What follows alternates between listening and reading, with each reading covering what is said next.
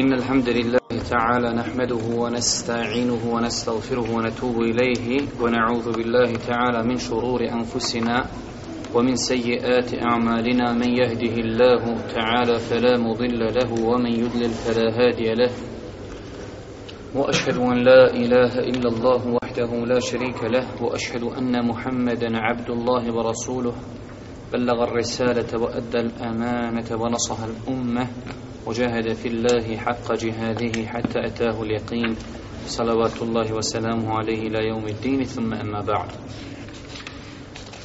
Braću moja draga, kao što znate, ovo je naše drugo druženje u kojem govorimo o rodbinskim vezama, komentarišući knjigu imama El Buharije, Edebul Mufred. U prošlom predavanju govorili smo o mjestu rodbinske veze u islamu govorili smo o vrijednosti čuvanja rodbinskih veza govorili smo također o načinima kako čovjek u današnje vrijeme može da ojača u svome srcu želju ka čuvanju rodbinskih veza. Večeras govorimo o drugoj strani ove tematike, a to je kidanje rodbinskih veza. Kazali smo dosta puta, braću moja draga, da ova naša vjera je toliko savršena i potpuna da nijednu stvar nije ostavila, a da je nije potpuno definisala. Tako isto i naš odnos prema rodbinskim vezama. Znači, prošli put smo govorili rodbinskoj vezi vidjeli smo na kakav visok nivo je islam uzdigao rodbinske veze zbog bitnosti svega toga. Jer zamislite, braću moja draga, kako bi bilo lijepo živjeti u društvu u kojem bi ljudi živjeli po onome što od njih vjera traži kada je u pitanju rodbinska veza. Da se ljudi pazi, obilazi, pitaju jedni za druge, potpomažu, da znaju da oni kroz rodbinsku vezu mogu zaslužiti Allahu subhanahu wa ta'ala nagradu džennet isto tako da je na takvom nivou rodbinska veza da zbog toga mogu zaslužiti Allahu kaznu džehennem. Što je svakako, braću moja draga, veliki podstrijek čovjeku insanu da u ovoj tematici malo više istražuje. Dečak, nije tu mjesto da se igra lopta. Ili ćeš tu sjediti pa slušat, ili ćeš ići igrat lopti napolje. Imam Buharija, rahmetullahi alejhi vidjeli ste, kada je počeo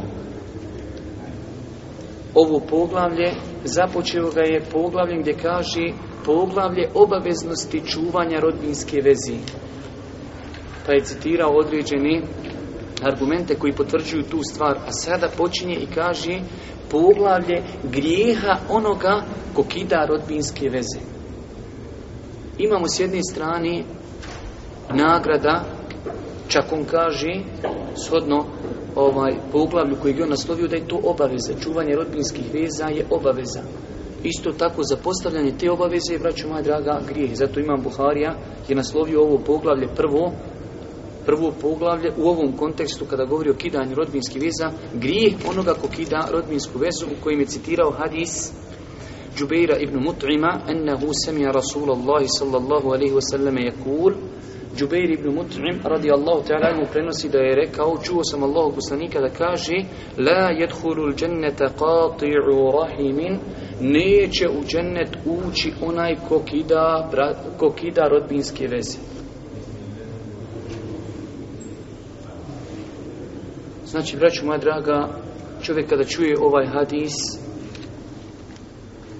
Znači, ako se u njegovom srcu ne pojavi želja za čuvanjem rodbinskih veza, treba zasigurno da prispita svoj iman. Da se ljudima koji kidaju e, rodbinske veze prijeti neulaskom u džennet.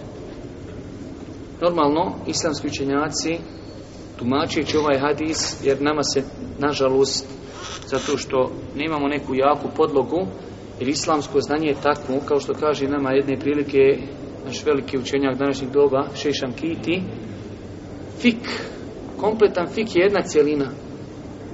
I dođeš na kraj fika, ako bi uzeli fik nakon, onako kako je poredan po ambelijskom mesebu, imamo taharet, pa namaz, pa post, pa zekijat, pa hađ, pa kupoprodaja, pa brat, pa izrana, pa ovo, pa ono, dođeš do zadnjeg poglavlja, a treba i ti neka pitanja koja su vezana za taharet. A u taharetu ti treba i neka pitanja koja su vezana za post i tako. Zar nije u postu kad govori se o abdestu, kada se govori o ispiranju nosa, prilikom abdesta Boži poslanik kaže ispirite dobro nos osim ako si postać. Imaš odmah u jednom pitanju dva poglavlja. Imaš ispiranje nosa prilikom abdesta, a imaš tu u tom pitanju zajedno i post. Tako, braćo moja draga, i ovdje Islam je takav cjelina, čovjek dosta puta određene stvari čita, a nema hajde da kažemo, dobru pozadinu i uzrokuje to da ispravno shvati. Evo sada će neko doći i pročitati ovaj hadis i sutra nekom svom rođaku kaže nisi mi dugo dolazio, a vi bi, ti nikad dženeta vitniš. Pa kaže šta vola? Pa poslanik je rekao ko ne obilazi rodbinske veze i koji kida u džennet neće ući. To znači da je čovjek nevjernik. Nažalost, možda nekom je to jasno, ali ima ljudi kojima to nije jasno. Imate, braću moja draga, kroz historiju ovakvi hadisi su uzrokovali da su ljudi otišli u ono što, što su islamski učenjaci nazvali haridžije, da su ljudi hadise koji su ovakvog tipa uzeli po vanjštini i kazali su svi koji počinje veliki grijeh su nevjernici i ostaće vječno u vatri. I tako, tako hadis vanjštinom i stoji samo kako ga ispravno shvatiti. Pa kažu islamski učenjaci ovaj hadis svakako prvenstveno je velika prijetnja da čovjek koji kida rodbinske veze neće ući u džennet. Kažu islamski učenjaci, ako bi čovjek negirao ovaj propis i smatrao halal kidanje rodbinskih veza, pored toga znajući dokaze koji ukazuju da je zabranjeno kidanje rodbinskih veza, takav insan je negirao nešto od islama, takav islam še nije musliman i takav insan, na njega se odnosi da neće nikad ući u džennet.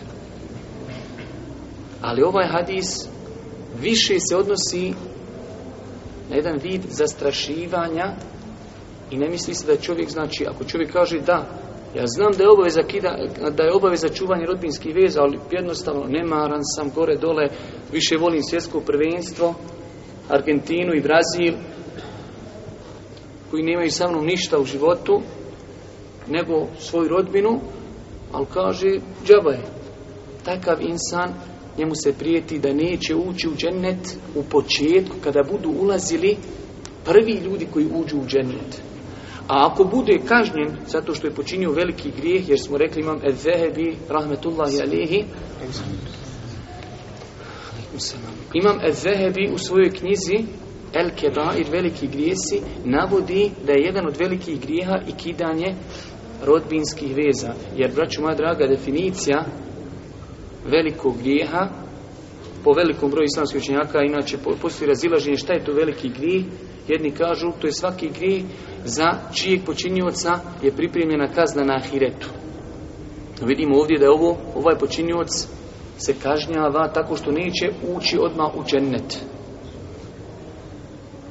Znači, braću moja draga, kidanje rodbinskih veza je opasna stvar do te mjere da Allahu poslanik zaprijeti onima koji kidaju rodbinske veze da neće ući u džennet. Drugi hadis, ovaj hadis smo imali prije toga, ovo je sada u jednom drugom rivajetu, inače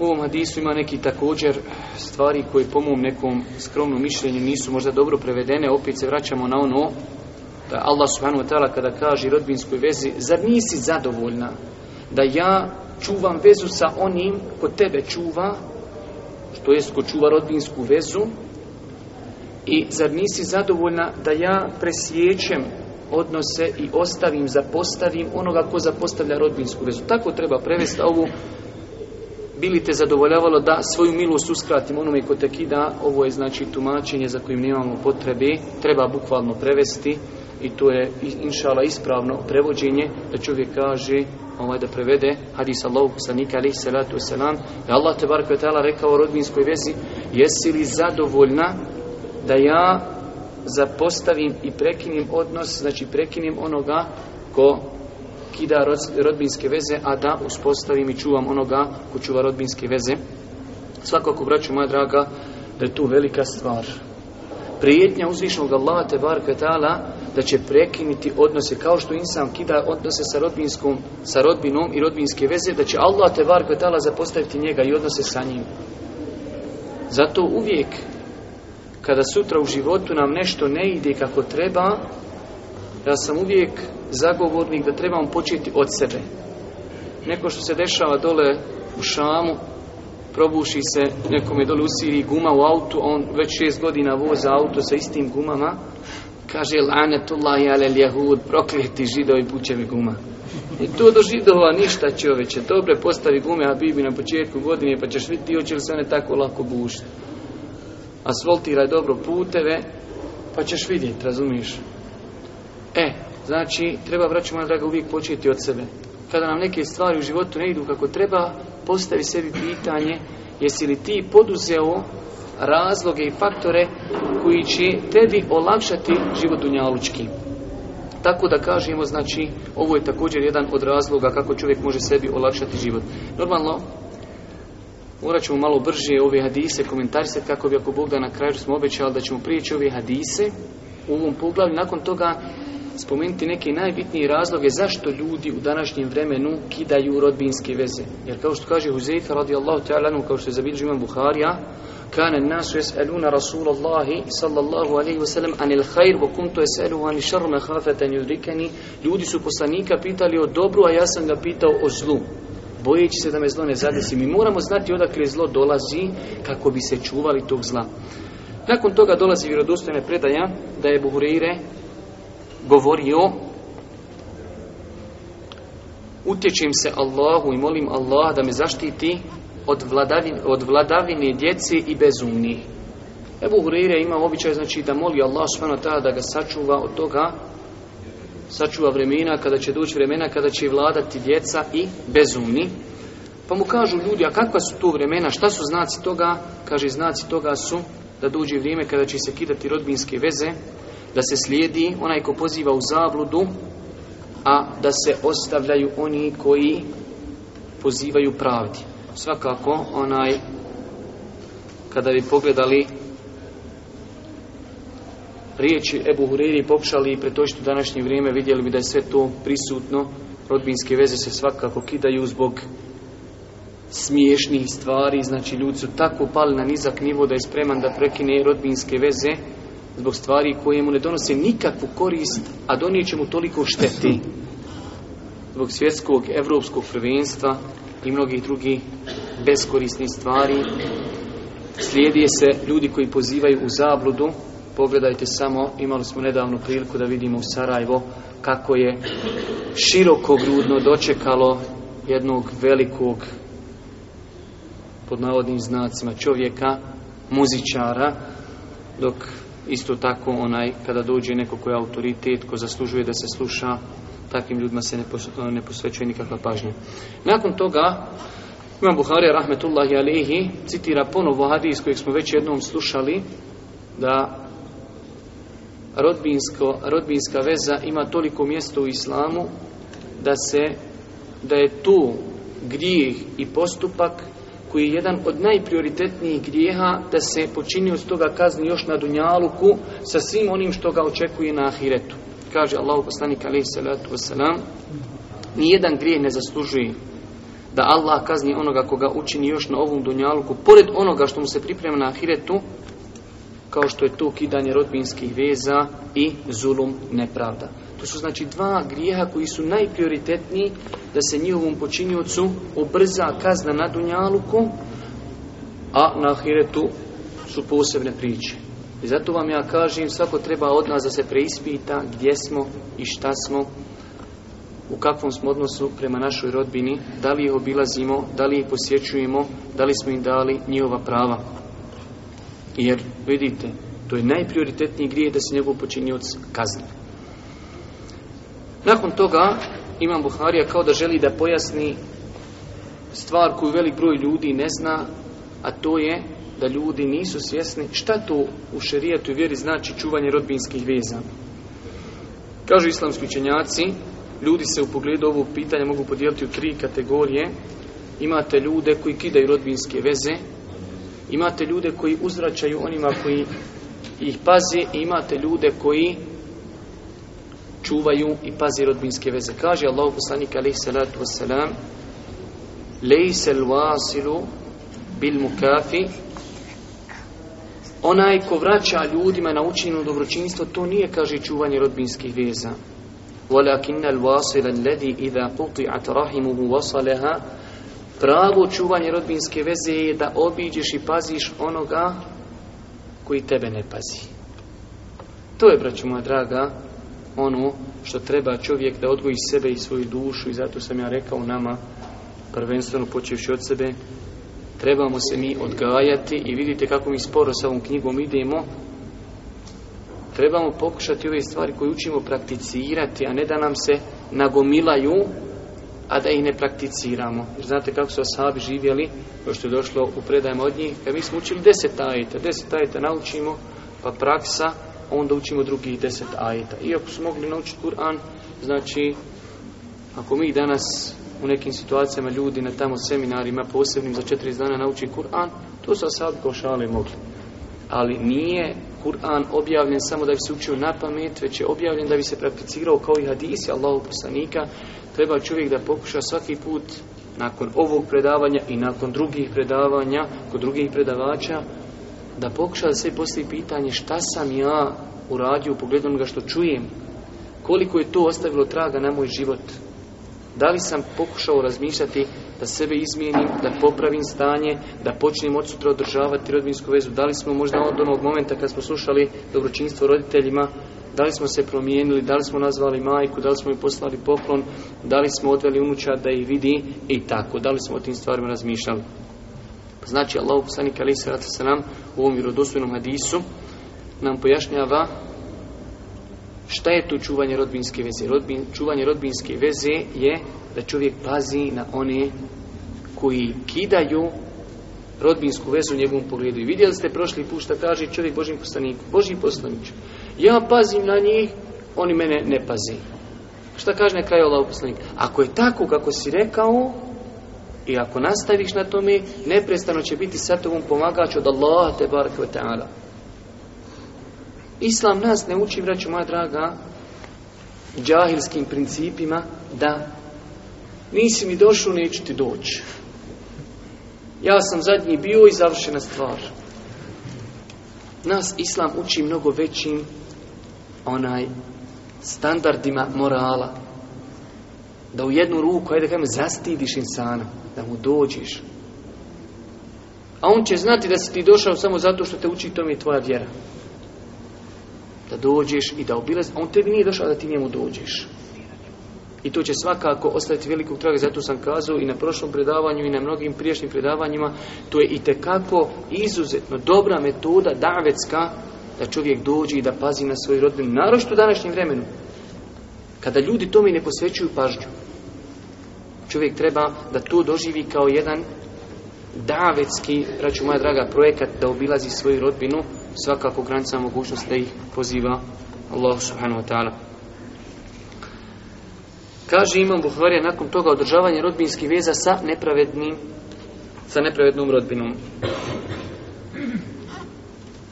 Od Bera ibn Aziba se prenosi da je došao Beduin Božijem poslaniku i kaže Allahu vjerovjesnič, poduči me dijelu koji će mu uvesti u džennet.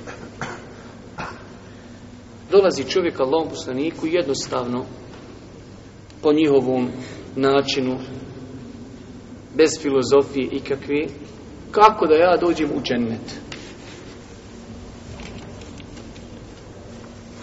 Kada je nekome od nas palo na pamet da ode nekome od autoriteta i da mu kaže vidiš ti kakva su vremena, gdje ti meni danas kaži kako da ja idem prema džennetu? Znam ja kako se ide na svjetsko prvenstvo i kako se ono prati. Ali to meni ne pomaže ništa. Već mene interesuje kako da ja do dženneta dođem. Kaže Allah poslanik alaihi salatu wasalam, s malo riječi pitao si puno. Ono što smo prošli put kazali, pohvala dobrog pitanja. To treba da bude metoda ljudi koji podučavaju druge ljude, profesora, učitelja, nastavnika, vajza, pa čak na kraj krajeva i roditelja, kada dijete postoji dobro pitanje da ga pohvali, kaže Allah, poslanik, ti si malo rekao, on si veliku stvar pitao. Tamo kaže, ovdje znači jedna mala onaj opaskica, isto nije po mom mišljenju moglo se to bolje prevesti. Kaže Allah poslanik je koristio dva različita glagola kao da je rekao oslobodi roba i oslobodi roba, ali na dva različita načina. Bukvalno rečeno ovdje je prevedeno oslobodi roba i pomozi da se on oslobodi od robstva. Ali nije tako, znači vidjet ćemo zašto. Zato što Boži poslanik kaže oslobodi roba i oslobodi roba sa dva različita glagola. Pa kaže sam, zar te dvije stvari nisu isti I ovdje on kaže, zar to nije isto? Nije. I nema odgovora. U ovom ovakvu privodu nema odgovora. Pa mu kaže Allah poslanik, ne, ovo prvo što sam rekao, znači ti u potpunosti oslobodi roba da ti niko ne pomaže. A drugo je, kaže, pomozi da se on oslobodi. Čovjek nekada prija, kada se robovi oslobađali, čovjek ima toliko para, kupi roba i oslobodi ga. Ali nekada nema toliko dovoljno novca, ali pet ljudi se udruži svako lupam po sto maraka ili po hiljadu, po deset hiljada, ujedine se i slobode jednog roba. Dolazi čovjek Božjem poslaniku i kaže, Boži poslaniče kako da odem u džennet? Pa kaže, oslobodi roba ili pomozi da se taj rob oslobodi. Kaže, pa dalje, nastavlja još načina, metoda kako čovjek može da dođe do dženneta. Pogledajte jednostavnih, prostih stvari. Pogledajte kako se zvrtka i vrka oko islama podiže, kako je to nekakva nazadna vjera, kako je to vjera za neku Saudijsku Arabiju, kako je to neka vjera za 1600 godina unazad. Pogledajte kakvim principima poziva vjera. Principima koji su univerzalni, koji se mogu prakticirati na svakom podnilju, Zar Evropi jednoj ne treba rodbinske veze? Ne trebaju. Pa zato su tako i zaglibili. To što im ne treba islam. Ali sad će onda im treba islam, da nema izlaza nigdje osim u islamu. Ne treba li Amerikancima rodbinska veza? Ne treba dobročinstvo prema roditeljima. Treba im Allaha i stotinu puta više nego Saudijskoj Arabiji. mi se ne dešava ono što im se dešava da dijete bavu stavio u židijen. Ramu kella. Treba im, danas na internetu čitamo, žena ostavila trojici čuka, pravom čukama. Ostavila 8 miliona eura, a svom djetu ostavila manje od milijuna. Čukama ostavila 8 milijuna. Što svake pameti, ljudi više poludili, baš bukvalno poludili čovječe. Hajde je ostavila komši, makar ja tu nekako shvatio, aj dijete nisu ostavila komši, da je ostavila tamo nekom merhametu, da je ostavila bilo kom je koji je normalan, ostavila čukama. Pa je to iznad svake pameti. Ali to ti je, zato Allah kaže, bel hum adal. Oni su, kaže, gori nego hajvani. Insan kad ostavi islam ide na stepen koji gori od hajvana, čovječe. I svima treba islam, braću moja draga. Pogledajte, pa kaže Allah poslanik, hoćeš u džennet, pomozi oslobađanje roba ili oslobodi roba. Posudi nekom i dadi nekom komši, dadi nekom iz rodbine i kaže, devu ili ovcu koja je muzara da će se ljudi okoristiti. Pa kaže i da paziš rodbinu. Pazite, ovdje treba malo sada razmišljanja. kaži ako to ne možeš, onda naređuj dobro i odvraćaj od zla. Ako i to ne možeš, onda kaži čuvaj svoj jezik, nemoj govoriti ništa osim što je hajr. U kojem poglavlju imam citira citirao ovaj hadis? kada pa vam ja reknem, imam Buharija citira ovaj hadis u poglavlju Čuvajte rodbinsku vezu sa rodbinom koja čini, čini zulm. I onda citira ovaj hadis. Gdje ovdje je zulum ljudi? Što je Imam Buharija citira ovaj hadis u ovom poglavlju? Evo da vam ja ispričam ponovo hadis. Poglavlje je čuvajte rodbinske veze sa ljudima, rodbinom koja vam čini zulum. I kaže, dolazi Arab Božijem poslaniku i kaže, Božiji poslaniče kaži mi kako da idem u džennet. Pa mu kaže, oslobodi roba ili pomozi da neko oslobodi roba, neko mi daj, iznajmi devu ili kravu ili ovcu muzaru pa da je jedno vrijeme muzu, da se okoriste time, kaže pazi na rodbinu, ako ne možeš to onda naređuj na dobro odvraćaj od zla, ako ne možeš ni to onda čuvaj svoj jezik od zla. Gdje veza ovog hadisa sa ovom gore, sa ovim naslovom? Opet, braću moja draga, imam Buharija, hoće ljude da malo natjera, da čitaju, da razmišljaju. Čitaš hadis, ti dobar hadis, dobro, dobar hadis. Kakva je veza sa naslovom? To možete sto puta i možda opet ne bi skontali da se to ne poklapa. A treba da se poklapa. Ima vjerodostan rivajet kod imama Bejheqija i mnogih drugih da je rekao Allah poslanik pomozi da se oslobodi rob. Pazi na rodbinu koja ti čini zulum, dodatak. Hoće o tebi imam Buharija, ti malo još drugih knjiga prelistaš. Ne prilike priča Šeha Albani, sam ja sam to malo zaboravio, odavno mi se to, onaj, davno sam čitu.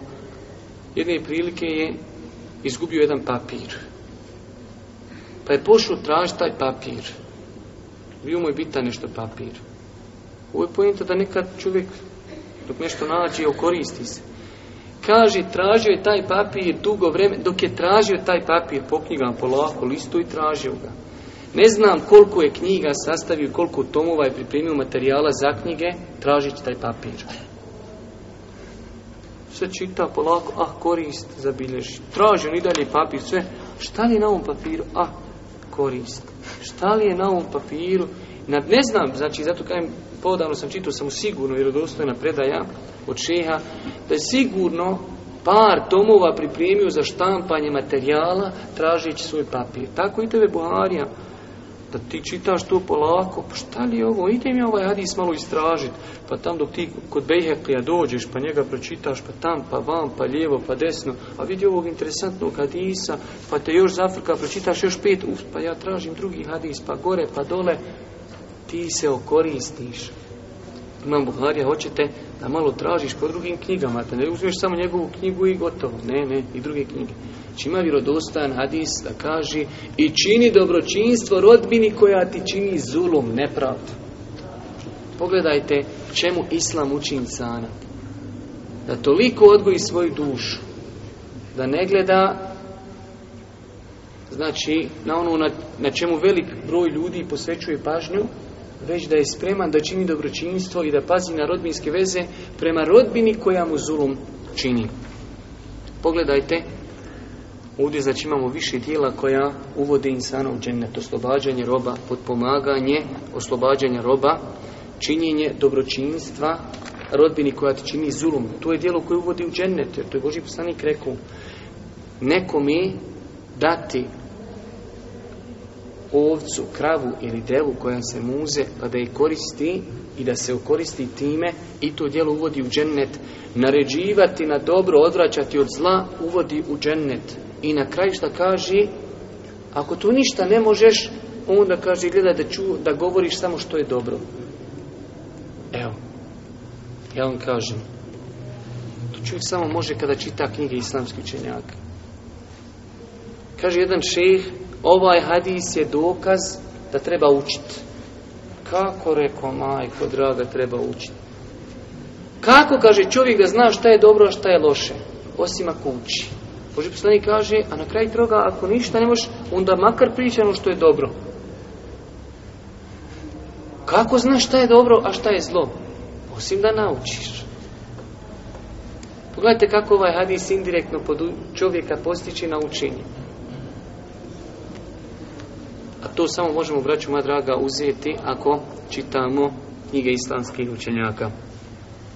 Također, nakon toga, Imam Buharija dolazi s jednim interesantnim poglavljem koji može biti svakako danas interesantno kao jedan davetski metod velik broj nevjernika dođe čovjek i kazat će ljudi, ja sam proživio u nevjerstvu 60 godina, podijelio, dao, sam mislim sad ti dođe Bill Gates kaže, ja sam već podijelio 32.000 milijardi, 32 milijarde sam podijelio tamo za neke projekte, za siromahe i to.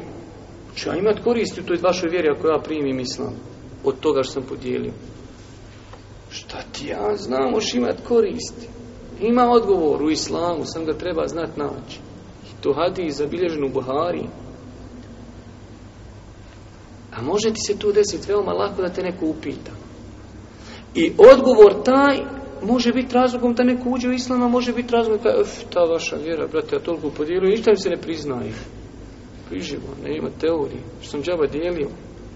Dolazi Hakim ibn Hizam, Božijem poslaniku, i kaže, Allahu poslaniću. Araite umuran kuntu etahannesu biha fil džahilijeti. Šta misliš onim, kaže, stvarima koji sam ja činio u džahilijetu na ime ibadeta? Pazite, on u to vrijeme, iako je bio u džahilijetu, radio je to s nijetom ibadeta. Pa mu navodi on primjer, kaže, min sile, čuvanje rodbinski vezi. Pogledajte, on nevjernik i zna da je rodbinska veza dobro djelu. Koliko je danas Bošnja koji ne znaju da je rodbinska veza svijeto nešto? To što meni neko kaže ja to znam, a to ne praktikuje, to za mene ne zna. Dok čovjek dadne prednost Dunjaluku i svjetskom prvenstvu i ostalim neumima i reumima nad rodbinskom vezom, taj ukazuje da taj ne zna to pravilno. Pogledajte ovoga čovjeka, kaže stvari koje sam činio u džahilijetu, pod ime ibadeta, kao što je rodbinska veza, oslobađanje robova, udjeljivanje sadake, da li ću ja, kaže, imati za tu nagradu ako Islam primi? Pa mu kaže Allah poslanik alaihi salatu wasalam Eslemte ala ma eslefe min ala ma eslefte min hajrim Ovaj hadis je ovdje preveden po mom mišljenju malo neispravno, ali znači ispravno u pogledu ako čovjek odabere jedno od dva mišljenja. U pogledu toga da li će čovjek imati nagradu za djela koja je činio u džahilijetu prije islama, ako primi islam, normalno čovjek koliko god da kad podijelio od ovda do nebesa u dužinu i u širinu čitavu zemaljsku kuglu i umrije u kufru, ništa bez one jedince koja se zove la ilaha illa, moraš nula redat tamo skroz do centra. U islamu nula redaš, ništa ti ne znači. Kad staviš jedincu, uh, onda svaka nula, broj postaje veći. Ako nemaš jedince, la ilaha la, nula što više dodaješ, ideš u minus. E, znači čovjek, ovo govorimo o čovjeku koji radio dobra djela pa primio islam. Da li će za ta dobra djela biti u islamu? Ovaj hadis Boži poslanik nije odgovorio direktno. Prevedeno je ovdje kao da je odgovorio direktno. Pogledajte kako je prevedeno. Primio si islam, a nagrada djela koja si prethodno učinio ostala je. Znači, bit ćeš nagrađen. To je po mišljenju Leme koja kaže da će čovjek biti nagrađen. I to je stav većinskog, velikog dijela islamskih učenjaka koji kažu čovjek koji radio dobra djela, pa primi islam od potpunosti Islama jeste da mu se grijesi ne pišu, ali dobra djela prelaze u njegovu knjigu dobrih djela. Ovaj hadis, Boži poslanik kaže, ti si primio, kaže, Islam na hajru kojeg si prija činio. E ovako je bukvalno prevedeno. Primio si Islam kaj na hajru kojeg si činio. Šta to znači? Da li to znači da mu se prima ili ne prima? Boži poslanik je to odgovorio dvosmisleno. Zato jedan dio učenjaka kaže, nećemo biti primljena pod kao dobra djela u islamu, ali, ti si primio islam, ti si kod ljudi pozna da si dobročinitelj. I taj rating ti ostaje, islam ti čuva taj rating. Islam ti ne, ne, ne, ne poništaj rating koji imaš. Druga stvar, Islam ti ne poništaj običaj koji si naučio, jer osoba koja je udjeljivala prije Islama, Islamu ne ništi taj običaj. Dobro, bismillah, sad nastavi, već imaš uopće, ti si u kondiciji, ti sad već možeš šprint. Ona je osoba koja je troma mi, ne može otrčati 100 metara, on će se brzo zadijati da počne i u islamu.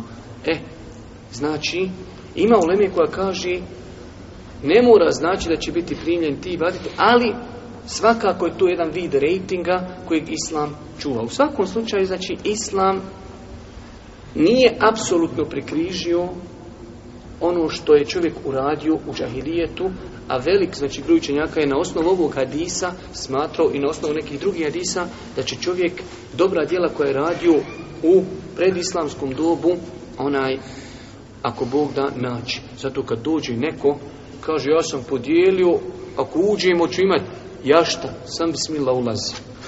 Imaćeš, kako ćeš imati, tu ćemo ti poslije pojasniti, samo ne briši se, u redu I veoma je bitno to da znamo. Održavanje rodbinske veze s mnogobožcima i darivanje poklona istima. Hadis koji je zabilježio imam Buharija, da je ona radi Allahu ta'ala jedne prilike vidio da se prodaje ogrtač.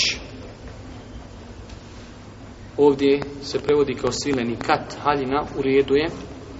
Kaže, kada bi je kupio Allahu će pa da je možeš obući petkom ili kada ti dolazi delegacije.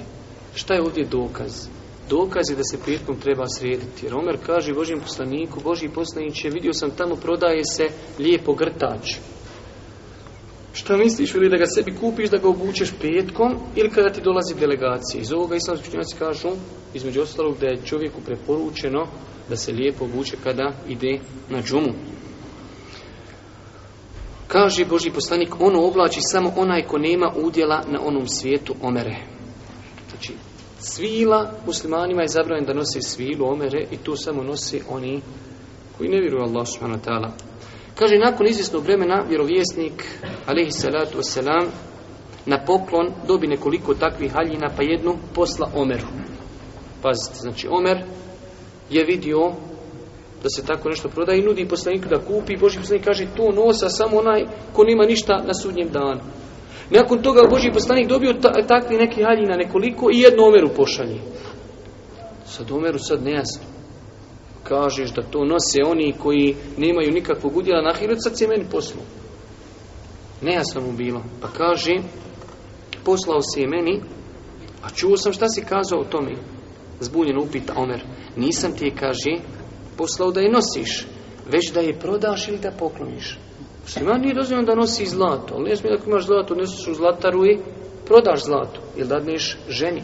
Isto tako, musliman ne može nositi svilu, ali to ne znači ako imaš svilu da i ne možeš prodati. Jer nije to nešto što je zabranjeno svima. Čovjek ako ima raki, ostalom od dede, ako je dedo bio neki nedo Allah alkoholičar, i on kaže se to ne bi prolilo, Ajmo mi to iskoristiti, prodat ćemo tamo pa nek se neko drugi ka Nama je to haram. Ne može. Zato što nema niko kome je to dozvoljeno. Ali svila ima vrsta insana kojima je to dozvoljeno. To su žene. Pa je Boži poslanik kaže, Omeri nisam ti ja dao da to nosiš. Već prodaj, okoristi se. A možeš dadni nekomi. Pa je, kaže, Omer poklonio to svom rođenom bratu, odnosno, ovdje ima rođeno onaj bratu po majci, sam da vidim na arapskom šta reče, li ahin lehu, ovdje kaže min ummihi, ovdje piše rođenom bratu, gore piše na arapskom njegovom bratu po majci je poklonio koji bio u Mekki, još je bio mušnik, još nije bio primio islam. Isto da ne bi nekome šetan došao pa kaže, to je Omer njemu dao neko nosi. Ne. I mušriku nije dozvoljeno da to nosi. On to može nositi, ali će biti na sudnjem danu griješan. Već i njemu on to dao, pa evo, dadi svojoj ženi.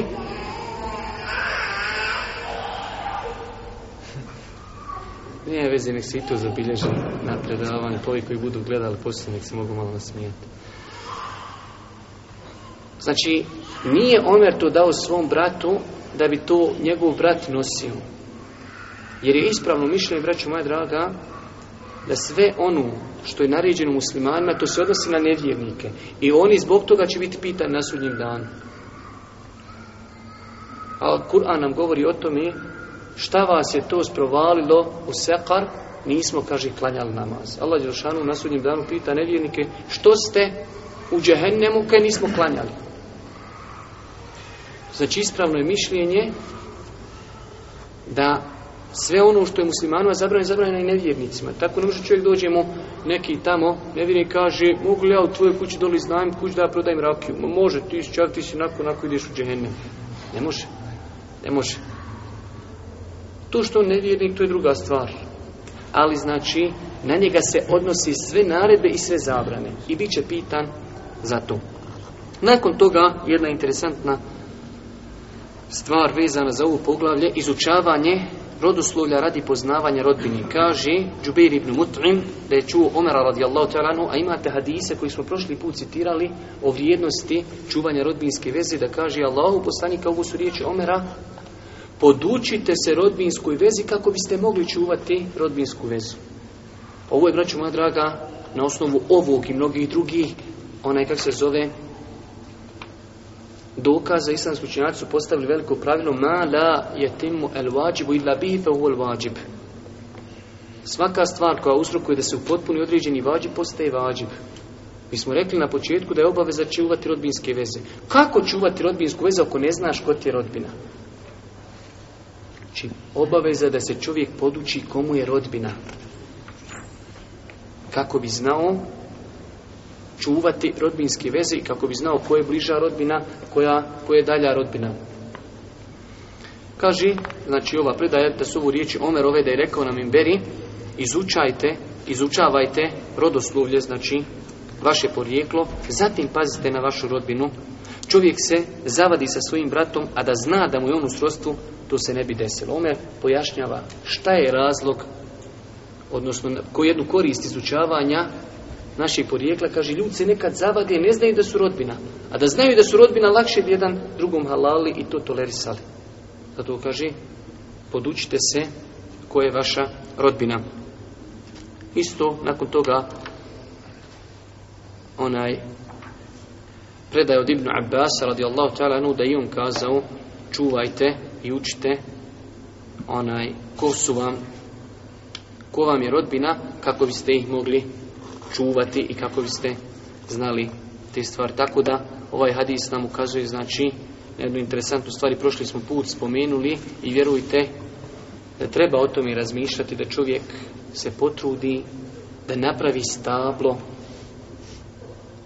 svoje loze kako bi se ljudi međusobno upoznali. Na kraju ovog našeg druženja u nekoliko minuta ćemo ako Bog da spomenuti nešto šta su islamski učinjaci kazali u pogledu faktora šta to najviše uzrokuje kidanje rodbinskih veza. Koliko nam je ostalo još vremena? Tamo. Prva stvar, braću moja draga, vaše Prva stvar jeste neznanje. Neznanje inače je najveći neprijatelj insana to ti je veći nego onaj neprijatelj koji te gleda na nišan preko snajpera da te pogodi u čelu. Neprijatelj, braćo moja draga, najveći insanu je neznanje. Zato, kako tražiti čovjek kada čuva rodbinske veze, on ne zna vrijednost toga. Niti zna opasnost toga. ne zna opasnost za postavljanje rodbinskih veza sam ubijeđen da postoji ljudi kojima kada bi kazao čuvanje rodbinskih veza produžuje život i povećaj pare. Ma jel bogat? Nisam ja to znao. Ženo, spremaj babine, idemo. Ne zna siroma. Kad mu kažeš onaj ko kida rodbinske veze, on neće u džennet. Allah, ženo, pješce idemo. Ljudi ne znaju. A toliko su to velike stvari. Da se radi u džennetu, uči ili ne ući u džennet. Zato kažemo, prva stvar treba se podučiti, treba učiti, treba čitati i jedan od najvećih znači, problema u pogledu svega toga jeste zapostavljanje edukacije. Zato ja savjetujem svima vama i sebi da imate uvijek blizu sebe negdje Rijadu Salihin i da to bude knjiga u kojoj ćete često čitati. Pola uvijek ustaviš neku cedlicu, pročitaš jednu strancu, dvije staviš strancu, zaklopiš. Opet sutra neka tu negdje blizu, otvoriš, pročitaš dvije, tri strance, zatvoriš i tako. Allah vidjet ćete koliko će vam tu osježiti sjećanje na hadise. Rijadu Salihin je znači jedna od najboljih, najadekvatnijih knjiga koju možeš nekome dati. Znači ja do sad još nisam našao knjigu koja je bolja, da je možeš dati kome hoćeš. Čovjek ne zna ništa islamu, evo ti. Čovjek akademik, evo ti. I garantujem da nema insana koji neće pročitati i reći, okoristio sam se. Ja sam možda par puta prošao tu knjigu, nešto sam, nešto vego, bilo je ti neki potreba, nekad neka recenzija, nekad ovu, nekad onu, nekad ovako, nekad onako, Allaha mi svaki put kad čitam preko zar ovaj hadis ima u Ja ga po prvi put čujem u životu. A znam da sam prošli Rijad Salihin prije toga. Či znači, čovjek zaboravlja. A isto tako kad čitaš taj Rijad Salihin ne na hadise o čuvanju rodbinske veze, o dobročinjstvu roditeljima, o mjestu komšijskih veza u islamu, o vrijednosti sadake, o vrijednosti ihlasa, tamo te prepadnu oni hadisi, džehennem će biti potpaljen sa muđahidima, sa hafizima, sa alimima, što? iskrenost, u što ja klanjam, kako klanjam, gdje sam, šta sam, preispituj se, na vrijeme rješaj probleme. Znači i tako. Pa imate na kraju knjige zabrane, zabranjeno ovo, zabranjeno ono, zabranjeno ovako, zabranjeno onako, da se čovjek prisjeća tih stvari. Zato kažem, prva stvar je svakako izučavanje. Druga stvar, Nerijetko se dešava da ljudi zapostavljaju rodbinske veze iz razloga umišljenosti, kibura. Ja sam stariji, ja sam učeni, ja sam ugledniji, ja sam pobožniji, u mene duža brada, u mene je vaku, moj djedo je naku, moj vaku. Braću moja draga, te stvari čovjek treba da odstrani kada je u pitanju islam, kada je u pitanju čuvanje rodbinskih veza, svakako islamu, onaj koji je stariji ima svoje mjesto, onaj koji je učeni ima svoje mjesto, ali ako vidimo da ljudi, ljudi te stvari ne kontaju vrijednost starijeg, vrijednog učenijeg, čovjek treba da to prekorači i da to ne bude razlog, braćo moja draga, da se kidaju rodbinske veze. Također, Ljudska srca su takva. Što viši i duži vremena pruđi da nekom je ne odeš, sve te teže njemu otići. Prvo teže stite, a druga stvar, sve su srca dalja jedna od drugih. I zato čovjek treba da zna da je to jedan faktor koji uzrokuje kidanje rodbinskih veza. A to je da čovjek dugo vremena ne posjeti rodbinu.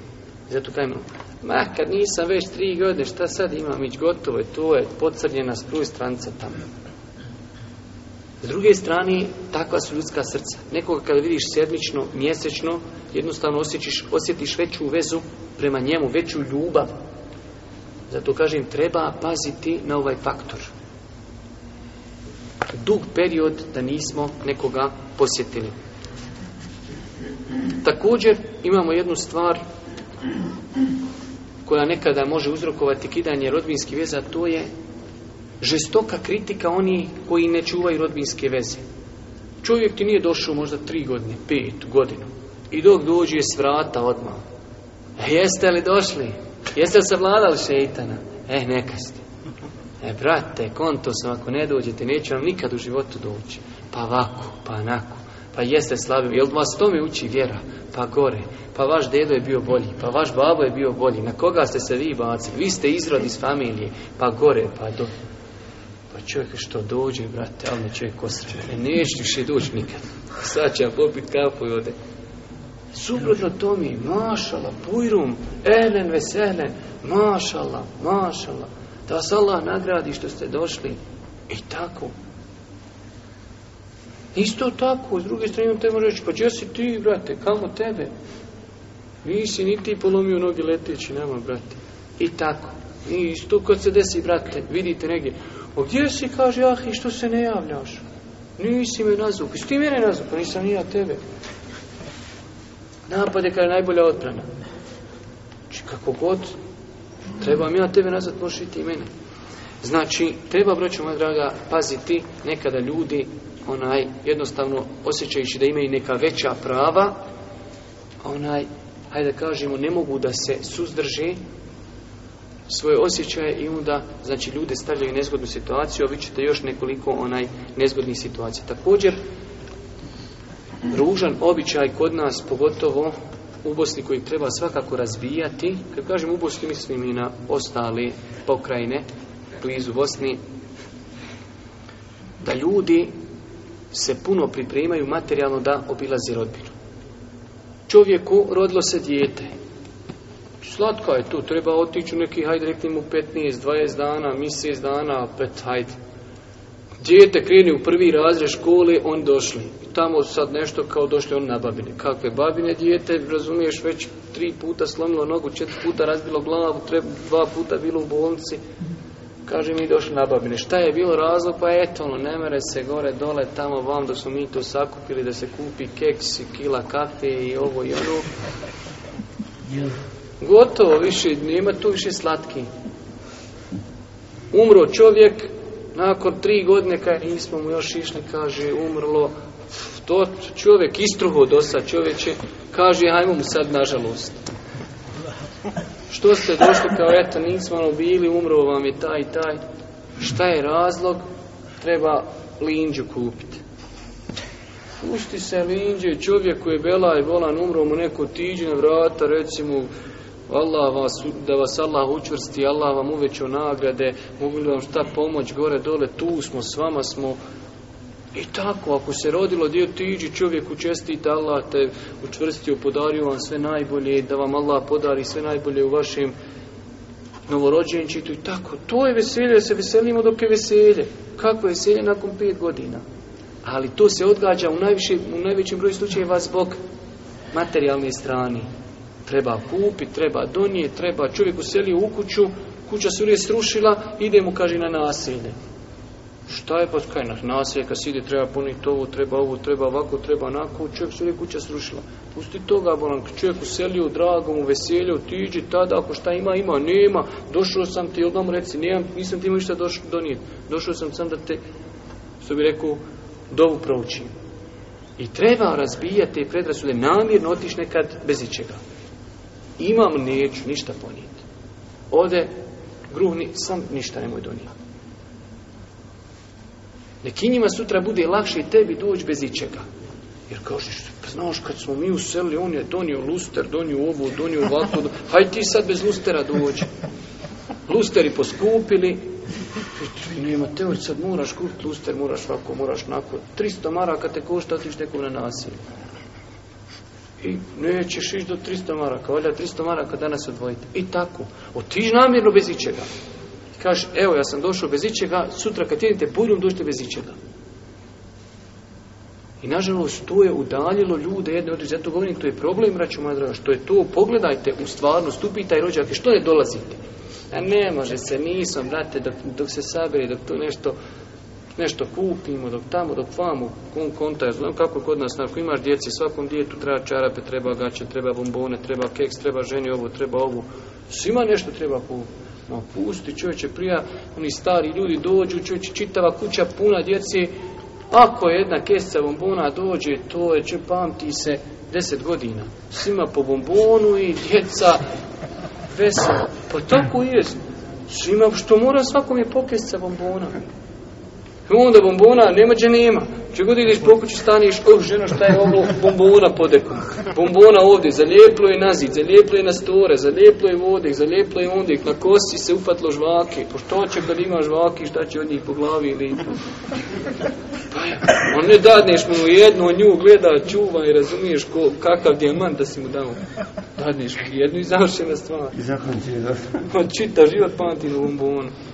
I tako, znači, treba tim stvarima, vraćamo, moja draga, onaj, posvijet pažnje. Također, imamo s druge strane jednu veoma bitnu stvar, a to je dođe ti čovjek, ti na vrata, on otvara namrgodio se, nikakav, kisel, po pa šta mene briga što si ti bolan dizao dugove, pa sad ti ne možeš ratu vratiti, svi čitava sad zenca mora znati da si ti u dugovima.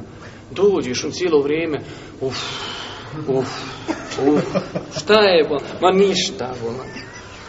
Pa ti se osjećaš teža tu u kući čovjek, ne kultura. Pa nasilu se pola sata smi, znači iz kulturi, iz kultuazi. Dođeš, Allah mi, nekad se osjećaš što dođeš, šta je poremetio sam. Ili eventualno čovjek planirao negdje otiš, ti dođeš, pa on puše, pa gore, pa nako, pa ovako. Znači čovjek treba da ima i neki minimalni kodeks i ponaš došao neko, pa makar ti u hiljadu planova, šuti, kultura je, nasmiješi se, iznesi što ima, koliko možeš, nemoj pretjeravati u tome. Čovjek dođe i zna se, čovjek putuje šest sata u autu i kaže jeste gladni. Ne pita se jesi gladan. Prvo što imaš mamu tutni dvoje jaja mu ispeci i donesi pred njega. On ako bude poju veneri ćevapi, ne može mi poju ćevapi, ne veze, poju će tu dvoje jaja neko drugi.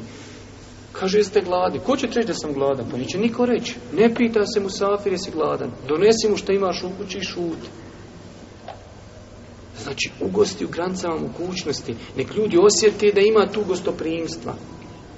Ili, nek' meni se desilo, došao čovjek na sjelo, bujrum, bujrum, ja ušao i čovjek na internet, na kompjuter, Allah, ja sam sad trenutno sjedio, gledam u njega u leđe, šutim, ja on tamo, sad ću Sad ću, sad ću. Evo sam malo još. Znači, je li to čoveče, šta je tu? Ima neku kulturu ponašam, došao sam, brate, znači, rađe mi reci, ne mogu te sad primiti, doći za sad vremena da nešto otkucam. Odu ja prošetač, onako osjećam se neugodno. Znači, ljudi nekad izgubi osjećaj za tim stvarima. Dijete dođe i malo ga nešto naljuti, dijete galami pred, pred, pred gostima tuče dijete galami na ženu jer sam rekao ovako i sam rekao onako ovako onako ljudi se osjećaju neugodno jer vidi se da to dolazi iz faktora zato što su došli gosti Znači čovjek treba da pazi na te stvari, će moja draga. I onda kaže što vas nema? Ma kuću ti doći, više volim više volim biti neđe tamo, razumiješ drugo što će ti dolaz, znači čovjek se neugodno osjeća. Također,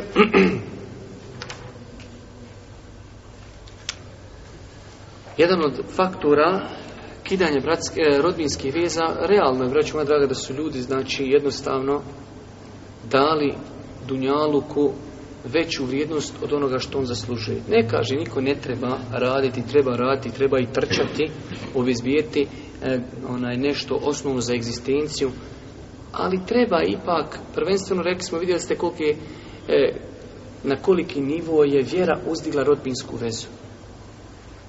Znači, ipak treba to imati na umu, da je to veliki grije kidanje rodbinske veza, da se veliki se vapi, zato daju beričet, za nije tu ime Allaha jedan dan, jedna dnevnica manje, lode da obiđem rodbinu. Allah zna da ću ja, da, da ja to radim radi Allaha, Allah će ti to namiriti. Znači čovjek malo zavrne jednu dnevnicu pa da ode nekome rodbini. Također, nerijetko se dešava da ljudi ne obilaze jedni drugi zato što su geografski udaljen. I normalno, nelogično očekivati da je isto obić nekoga koji je daleko od tebe, kilometar, dva, pet, i nekoga koji je daleko. Ali isto tako, prvenstveno i taj koji je daleko ima svoje pravo. Ali i druga stvar, ne mora znači da je jedini način obilaska rodbine, rekli smo, otići. Možeš ga nazvat, možeš mu poslati pismo, možeš mu poslati neku rediju, možeš nekoga kada vidiš iz njegovog komšiluka, pitati za njega. I tako, možeš se sjetiti njega u dovi.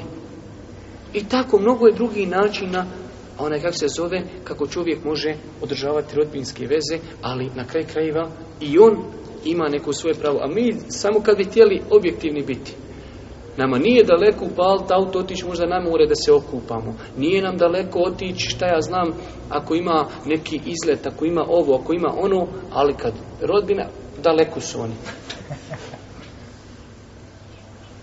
To je znači naša realnost i objektivnost. Također, govorili smo prošli put o tome, ali evo, kratko, znači čovjek kada ona ima neke gozbe, treba da pazi na rodbinu. Ljudi to prati, ljudi nisu budale. A kika, čovjek dobio dijete, zaklo u ocu, nije prvo pozvao Amidžu, nije pozvao Strinu, nije pozvao Dajđu, nije pozvao, pozvao Tetka, ali pozvao tamo neku, ajde nazovemo braću, on u Zenci pozvao braću iz Sarajeva. Hej braću, došte na kiku. I Amidža oto neđe kroz šiljke, viri, okreće se janje, Amidža nije pozvao. Što je da Amidža voli? Pa ne možete voliti, to je nepravda. Prvenstveno pozvat rodbinu. Čovjek se ženi, došlo i svatovi neki, kaj je bilo i neki bradu i iz Boražda, iz Zavidovića, iz... Ali rodbine tu nema. Pozovi znači prvu rodbinu. Onaj. Tako da te stvari treba čovjek da pazi, jer braću moja draga, znači kažem ja dosta puta, mi neke stvari kontamo na terenu, ljudi ne vide ljudi vide deset puta više što mi mislimo. Ali se ljudi pravi da ne vidi. Ali započni sa njim priču, otvori malo priču, pa što kada, kada on osjeti da je došlo 5 do 12, može reći pa će on tebe, znaš ti kako ti mene nisu ono. Znaš. Kad dođe 5 do 12, kad ti njemu nešto prigovoriš na tebe, a znaš i ti mene nisu ono. Znači ljudi to kontaju, samo ljudi, znači čekaju pogodan moment kada će to prigovoriti. Također, čovjek treba da znači u granicama mogućnosti pazi edeb prema rodbini kada rodbina dođe, pogotovo ko su u pitanju stariji ljudi, onaj što kaže Arapi, kulli mekanin mekal, za svako mjesto postoji priča. Nije isto da ti dođe neko rodbine ili ti odeš nekome koje je u tvojim godinama, pa sa njim možeš malo i našal, on te razumije, da odeš čovjek koji od tebe 20 godina stariji, on ipak osjeća rodbina, stariji. Znači ipak treba onaj jedan vid poštovanja prema njemu. Nažalost, ja kažem, mi imamo tu bolest, mi gdje god da dođemo, kao zato što mi klanjamo, zato što mi islam praktično, mi smo najstariji, mi smo najprioritetniji da svi nas nosaju na rukama. Pogledajte vamo hadisa Allahog poslanika, nije od nas onaj ko ne zna prava starih. Ipak starost u islamu ima svoje mjesto. I treba paziti, znači, kad je u pitanju šala, s kime se šalt, koliko se šalt, kako se šalt, na koji način se šalt. Nije si isto šalt sa nekom ko, ko je negdje u godinama i možda s tobom dok si bio mali, možda kao rođaci ste se igrali, išli zajedno u školu, čuvali krave gore, dole, a razlika je možda neko ko je stari I treba, braću moja draga, onaj imamo jedan belaj svakako koji opet s jedne strane ukazuje na naše propuste, a to je da se žena miješa mužu u obilazak njegove rodbine i da se muž miješa ženi u obilazak njene rodbine. Žena se udala gotovo, ženo, zato više tva rodbina ne postoji. Obilazimo moje rođake i selam alikom. Imate, vjerujte ljudi, normalna je stvar, sestre naše nama se žali, ne dam čovjek da odim materi, kamo da odim, da odim eh, rodbini.